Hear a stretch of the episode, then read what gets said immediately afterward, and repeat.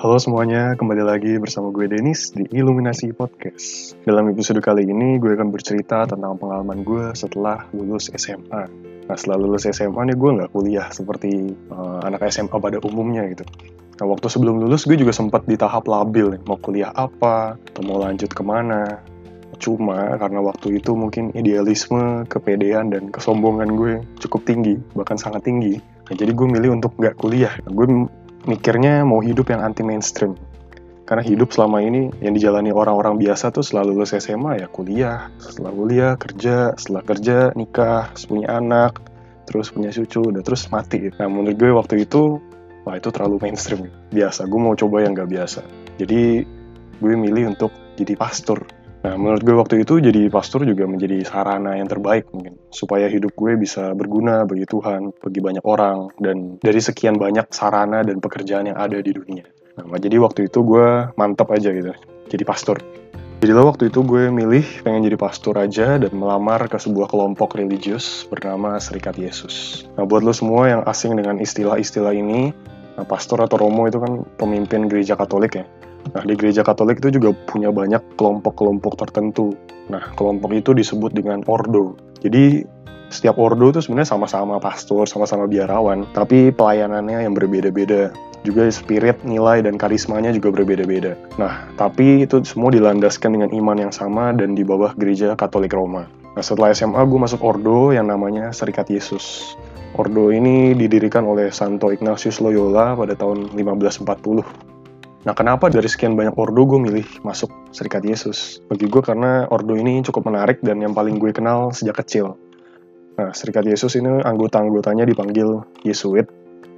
Nah, kenapa ordo ini menarik? Karena menurut gue ordo ini berbeda dengan yang lain. Jadi Yesuit itu nggak cuma sebatas seorang pemimpin agama yang memimpin ibadah atau berkarya di gereja, tapi mereka juga banyak berkontribusi bagi dunia, gitu. seperti misalnya dalam bidang pendidikan. Kalau di Jakarta ya ada Canisius, ada Gonzaga, SMA gue dulu, di Jogja ada De Brito, di Semarang ada Loyola. Nah, itu semua sekolah-sekolah Yesuit. Jadi Yesuit nggak hanya berkarya di gereja, memimpin ibadah, tapi juga berkontribusi dalam pendidikan. Lalu juga banyak berkarya di bidang sosial seperti Jesuit Refugee Service mengurusi para pengungsi dan juga banyak ilmuwan-ilmuwan Jesuit misalnya Romo Mani Suseno, lalu juga Romo Sindunata, wartawan Kompas dan jurnalis. Lalu juga banyak ahli biologi, bahkan beberapa kawah di bulan itu dinamai dari nama Yesuit karena jasa mereka di bidang astronomi. Juga hyperlink di internet yang kita gunakan sekarang, nah itu juga ditemukan oleh seorang Yesuit. Nah karena itu gue jadi tertarik bergabung dengan Serikat Yesus.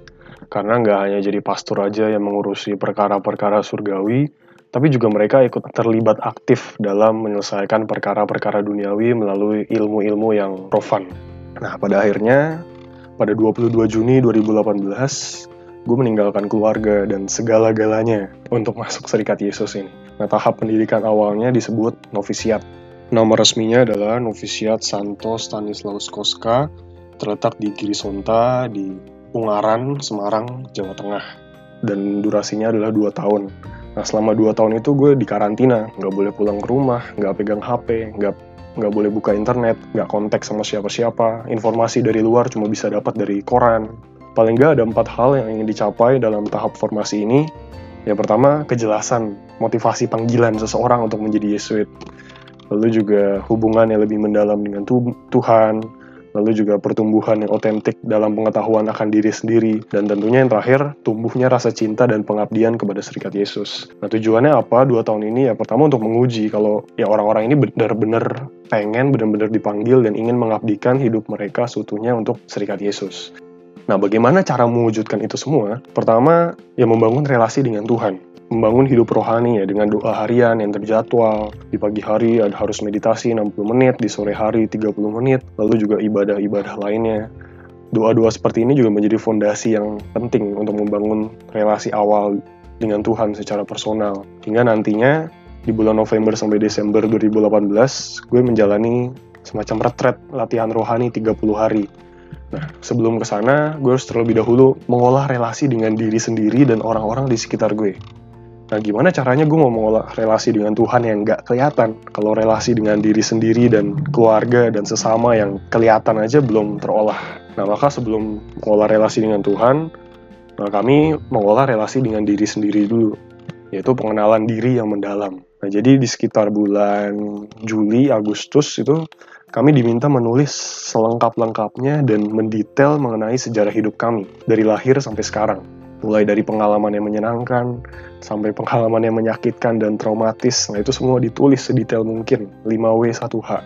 Ya, kegiatan itu cukup menyerap energi karena nggak mudah untuk flashback, terutama ketika mengenang pengalaman-pengalaman yang kurang enak, dan harus mengetiknya secara tertulis. Nah, itu benar-benar memakan tenaga yang cukup banyak. Nah, gue berhasil menuliskan kurang lebih sekitar 50 halaman sejarah hidup. Nah, setelah menulis itu selengkap-lengkapnya, nah kami menghadirkan seorang ahli psikologi, psikospiritual untuk mengadakan workshop pengolahan hidup selama seminggu. Nah, dalam pengolahan hidup itu, ya gue menjumpai kembali diri gue di masa kecil, lalu belajar menerima diri gue apa adanya, mencintai diri sampai tujuannya adalah kesadaran bahwa gue ini dicintai oleh orang-orang di sekitar gue, pada akhirnya bisa menerima dan mengenal diri sendiri lebih lanjut. Nah, sejarah hidup yang gue tuliskan itu akhirnya dianalisa sedemikian rupa dengan teknik psikospiritual, dengan lima kerangka teori dasar psikologi, seperti perasaan, lalu kebutuhan psikologis, mekanisme pembelaan diri, konflik, dan nilai-nilai yang gue hidupi. Dari lembar ke lembar gue menganalisis sejarah hidup dengan teori itu hingga selesai dan nantinya akan direkapitulasi untuk diketahui hasilnya. Nah ketika udah direkap nih ya ketahuan bahwa perasaan dominan gue selama hidup tuh ternyata ini kebutuhan psikologis yang sering muncul tuh ini pola-pola hidup gue pembelaan diri yang sering muncul tuh ini konflik yang sering terjadi kurang lebih berkutat pada hal ini. Lalu nilai-nilai yang gue hidupin selama ini tuh seperti ini. Nah, pengolahan hidup ini sangat membantu gue untuk mengenali diri, mengenali pengaruh-pengaruh orang-orang yang hadir di sekitar gue, keluarga, teman-teman, guru yang gue jumpai sepanjang hidup, dan pada akhirnya bisa menemukan jejak-jejak Tuhan yang berkarya dalam hidup gue dengan sangat indah. Nah, refleksi gue ketika melakukan pengolahan hidup adalah ya jangan menjudge orang lain tanpa mengetahui sejarah hidupnya gitu. Misalnya kita ketemu teman yang mungkin bagi kita aneh atau murung aja, ya jangan langsung dijudge ah dia mah nggak seru kita nggak tahu sejarah hidupnya tuh seberat apa seperti apa kita menjadi kita yang sekarang itu karena adanya sebuah konstruksi konstruksi yang terjadi sepanjang hidup kita ya kita yang sekarang nih bisa aja karena cerminan masa lalu kita masa kecil kita seperti ini didikan orang tua kita yang seperti ini menghasilkan kita yang sekarang juga relasi kita dengan teman dan orang tua lain-lain itu bisa berdampak banyak dan menjadikan diri kita yang sekarang ini kadang emang sulit untuk berdamai dengan rasa lalu, masa lalu. Tapi kenyataannya, ya masa lalu tuh nggak bisa diubah. Selama pengolahan hidup, ya gue nggak bisa mengubah pengalaman atau masa lalu yang udah terjadi. Tapi, kita bisa mengubah sudut pandang kita terhadap masa lalu tersebut. Khususnya ke peristiwa atau pengalaman yang nggak enak, yang mungkin traumatis. Awalnya mungkin agak kesel, marah, nggak mau ingat-ingat lagi lah. Tapi ketika kita bisa menjumpai pengalaman itu, menerimanya, mengambil pelajaran darinya, bahkan lewat pengalaman-pengalaman itu, ya kita juga bisa semakin kenal diri kita dan orang lain di sekitar kita. Nah, hal itu membuat gue dan teman-teman gue yang lain lebih mampu untuk mencintai diri sendiri apa adanya, menerima masa lalu, dan yang paling penting menyadari jejak-jejak kehadiran Tuhan yang luar biasa dalam hidup kita, melalui berbagai pengalaman, melalui keluarga, melalui teman-teman, melalui sahabat, melalui guru, dan hal-hal lain yang mungkin selama ini nggak kita sadari. Nah, kami mengakhiri proses pengolahan hidup itu dengan semacam retret 8 hari. Nah, di retret ini kami hanya makan sayur dan buah-buahan. Jadi, benar-benar laku tapa, puasa, dan seminggu dalam keadaan kelaparan. Ya, tapi ternyata lap, rasa lapar itu meningkatkan kepekaan akan perasaan, intuisi, afektif gitu. Karena selama tadi workshop pengolahan hidup, mungkin yang lebih banyak bekerja itu otak dalam menganalisa, mengingat, dan seterusnya. Tapi dalam retret ini, ya pikiran dan rasional itu sengaja dilemahkan dengan rasa lapar itu. Karena kalau kita lapar kan susah buat mikirin. Nah, sehingga ketika lapar itu, afeksi dan perasaan itu lebih berasa. Nah, bahan-bahan permenungannya selama retret itu ya relasi dengan ayah, dengan ibu, dengan adik, dengan orang-orang terdekat di sekitar kita. Nah, di sana gue saat retreat itu menuliskan juga surat sebagai tanggapan atas pengolahan hidup yang gue lakukan, menuliskan unek-unek atau uh, meluruskan sesuatu kepada bapak, ibu, adik, nenek gue dan ya orang-orang yang perlu untuk gue tulis suratnya gitu. Dan ya surat itu berisi rekonsiliasi, terima kasih, Dan itu ternyata membantu gue banyak untuk memahami diri gue, lalu lebih lega juga terhadap segala hal yang terjadi di masa lalu, dan pasti juga akan membantu orang yang kita kirimi suratnya itu. Ya berdasarkan cerita papa mama, lalu adik gue, oma gue, ya mereka juga terbantu untuk lebih mengenal diri mereka, lalu juga ya untuk rekonsiliasi pribadi dan akhirnya bisa semakin dekat dengan mereka setelah melakukan pengolahan hidup ini. Nah, rasa itu, rasa lega, rasa dicintai, rasa rekonsiliasi itulah yang akan jauh menyiapkan gue untuk menjalani relasi yang lebih dalam dengan Tuhan. Kalau kita aja belum bisa berdamai dengan diri sendiri, belum bisa berdamai dengan keluarga, dengan orang tua, ya kita nggak akan bisa mengolah relasi dengan Tuhan secara optimal, karena kita masih ada banyak tembok yang menghalangi kita untuk berrelasi dengan Tuhan. Nah, tanggal 13 November 2018 sampai 13 Desember 2018, gue melakukan latihan rohani.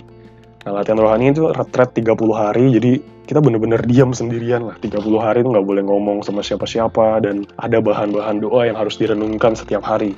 Nah, latihan rohani ini diambil dari buku latihan rohani, ini buku klasik karya Santo Ignatius Loyola yang ditulis berabad-abad yang lalu dan masih relevan sampai sekarang, masih digunakan sampai sekarang. Nah, latihan rohani ini penting banget untuk dilakukan sebagai sarana dan tahap awal membangun relasi personal dengan Tuhan. Karena selama sebulan itu ya, pekerjaan kita yang membangun relasi dengan Tuhan itu. Nah, sebulan itu kan ada empat minggu. Nah, per minggu itu ada temanya masing-masing. Nah, di minggu pertama, bahan renungannya itu ya gue diajak menyadari bahwa gue ini ciptaan Allah dan dipanggil tujuan hidup gue ya untuk semata-mata mengabdi pencipta gue itu mengabdi Tuhan. Nah, lalu berangkat dari itu, ya gue menyadari sejarah hidup gue yang udah gue tulis selama pengolahan hidup, apakah selama ini hidup gue ini benar-benar mengabdi Tuhan? Atau jangan-jangan malah mengabdi kebutuhan pribadi, mengabdi setan dengan kedosaan-kedosaan gue. Nah, setelah, setelah kesadaran itu, ya diajak untuk melihat kembali betapa Tuhan mencintai gue lewat keluarga-keluarga gue, melalui teman-teman, dan melalui pengalaman-pengalaman yang lain. Dan juga ya, menyadari segala rahmat yang gue terima dalam sejarah hidup, dan pada akhirnya diajak untuk menyadari kedosaan-kedosaan yang telah kita lakukan. Nah, waktu itu gue diajak untuk benar-benar memahami apa itu dosa, kedosaan, dan diri gue sebagai pendosa. Dan pada akhirnya bukan fokus pada gue sebagai berdosa aja, tapi kesadaran bahwa walaupun gue ini berdosa, gue tetap dicintai oleh Tuhan. Nah, kurang lebih minggu pertama itu isinya itu. Lalu di minggu kedua, itu kurang lebih bahan doanya dari Alkitab tapi membaca Alkitab dengan cara yang lain. Jadi bukan hanya baca seperti baca novel itu ya, tapi dengan mengkontemplasikannya dalam imajinasi kita. Nah, jadi misalnya bacaan kelahiran Yesus gitu. Jadi gue dalam imajinasi yang membantu Maria melahirkan gitu atau membayangkan perjalanan mereka ke Bethlehem dan lain sebagainya. Nah, ajaibnya kontemplasi ini justru bisa mencerminkan kepribadian kita dan melanjutkan pengolahan hidup itu. Misalnya dalam imajinasi, kok gue lebih gampang dekat ke Yosef ya uh, dibandingkan ke Bunda Maria. Nah ini bisa menjadi pertanyaan juga, kenapa gue lebih dekat ke Yosef daripada ke Bunda Maria? Mungkin ada pengaruhnya dengan relasi sejarah hidup dengan orang tua, atau misalnya ketika membayangkan Yesus ditangkap oleh ahli-ahli Taurat gitu misalnya. Nah ada teman gue nih yang ngotot maju ke depan nyingkirin ahli Taurat ahli Tauratnya itu, weh weh misi misi ini teman gue gitu. Tapi ada juga ya teman gue juga yang memilih untuk mundur di belakang ngeliatin dari jauh. Dan ini juga bisa mencerminkan kepribadian kita gitu dalam imajinasi kontemplasi. Nah kurang lebih itu selama minggu kedua bahan doanya dari Alkitab dari kisah hidup Yesus yang menyadari bahwa setelah kita dicintai kita dipanggil untuk mengikuti Tuhan dalam diri Yesus gitu. Nah, lalu di minggu ketiga itu tema besarnya tentang penderitaan, tentang kisah sengsara Yesus hingga wafatnya. Nah di sini ya gue nggak hanya belajar tentang bagaimana Yesus disalib, prosesnya dan lain sebagainya, cerita-ceritanya di Alkitab, tapi lebih dalam melihat apa arti penderitaan, apa arti pengorbanan, apa arti persahabatan, dan apa arti cinta sesungguhnya. Cinta sesungguhnya adalah ketika ya kita berani berkorban, gak hanya ngomong aja, tapi berani mengorbankan sesuatu demi orang yang kita cintai itu. Nah itu yang gue alami selama minggu ketiga karena karena Yesus rela mati menebus dosa-dosa gue demi gue orang yang dicintainya kurang lebih itu. Lalu tentang penderitaan, ya gue akhirnya belajar juga bahwa hidup kita ini nggak lepas dari penderitaan. Segala sesuatu yang kita lakukan tuh pasti ada unsur penderitaannya. Misalnya, gue mau belajar main gitar.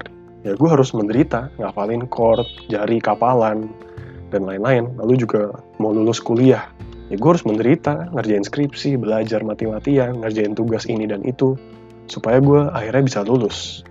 Tapi ketika penderitaan itu bisa kita lewati, bisa kita maknai secara mendalam, ya pada akhirnya kita merasakan pengalaman kebangkitan. Nah, kebangkitan adalah tema di minggu keempat retret gue bahwa setelah penderitaan ya kita diajak untuk memaknai adanya pengalaman kebangkitan. Di situ gue juga akhirnya merenungkan juga pengalaman-pengalaman kebangkitan dalam hidup gue setelah mengalami penderitaan. Lalu di uh, retret ini ditutup dengan sebuah latihan doa yang amat terkenal, namanya kontemplasi mendapatkan cinta. Setelah mengalami empat minggu retret, yang mengalami pengalaman dicintai, diampuni, dipanggil untuk bekerja, lalu ikut menderita dan pada akhirnya dibangkitkan. Nah, di akhir retret ya kita diajak untuk mampu mencintai dan membagikan segala pengalaman cinta yang udah didapatkan selama latihan rohani itu kepada orang-orang di sekitar kita. Ya, dalam latihan rohani ini Ignatius mengungkapkan sebuah kalimat yang terkenal banget ya, bahwa cinta ya nggak hanya soal kata-kata, tapi lebih soal tindakan cinta itu rela menderita, rela berkorban. Kalau lu hanya mau enaknya aja itu bukan cinta, namanya itu nafsu gitu. Nah kurang lebih itu yang gue alami selama satu bulan retret latihan rohani 30 hari gue bisa memperdalam relasi gue dengan Tuhan lalu juga lebih mengenal secara konkret jejak-jejak kehadiran Tuhan dalam hidup gue. Nah selama semester satu ini kurang lebih itu yang gue alami yaitu pengolahan hidup dan latihan rohani. Intinya sebenarnya teori aja sih latihan rohani dan pengolahan hidup kan teori. Nah, tapi di semester berikutnya, ya teori-teori itu akan diuji. Apakah hanya sekedar di kepala aja atau benar-benar teresapkan dalam hati. Misalnya saat minggu ketiga kan temanya penderitaan. Apakah kita hanya bisa memahami penderitaan tuh cuma di kepala aja, atau betul-betul mampu bertahan jika dihadapkan dalam situasi menderita? Atau misalnya di minggu keempat soal mencintai, apakah kita sungguh-sungguh bisa mencintai Allah dan sesama meskipun dalam keadaan yang sulit sekalipun. Nah, semester berikutnya ya kami diajak untuk mengkonkretkan dan mendagingkan pengolahan hidup dan latihan rohani yang udah gue lakukan dan pelajari di semester satu ini. Penasaran gak? Tunggu di episode berikutnya, gue akan cerita pengalaman-pengalaman apa aja yang gue lakukan untuk menghidupi, mengkonkretkan, dan mendagingkan pengolahan hidup dan latihan rohani yang udah gue lakukan itu. Semoga cerita gue selama satu semester di Kiri Sonta dapat membantu kalian untuk ya menjalani relasi lebih jauh dengan diri sendiri, sesama, dan lebih kepada Tuhan. Terima kasih telah mendengarkan episode ini. Gue Denis, sampai ketemu di episode berikutnya. Let's get illuminated.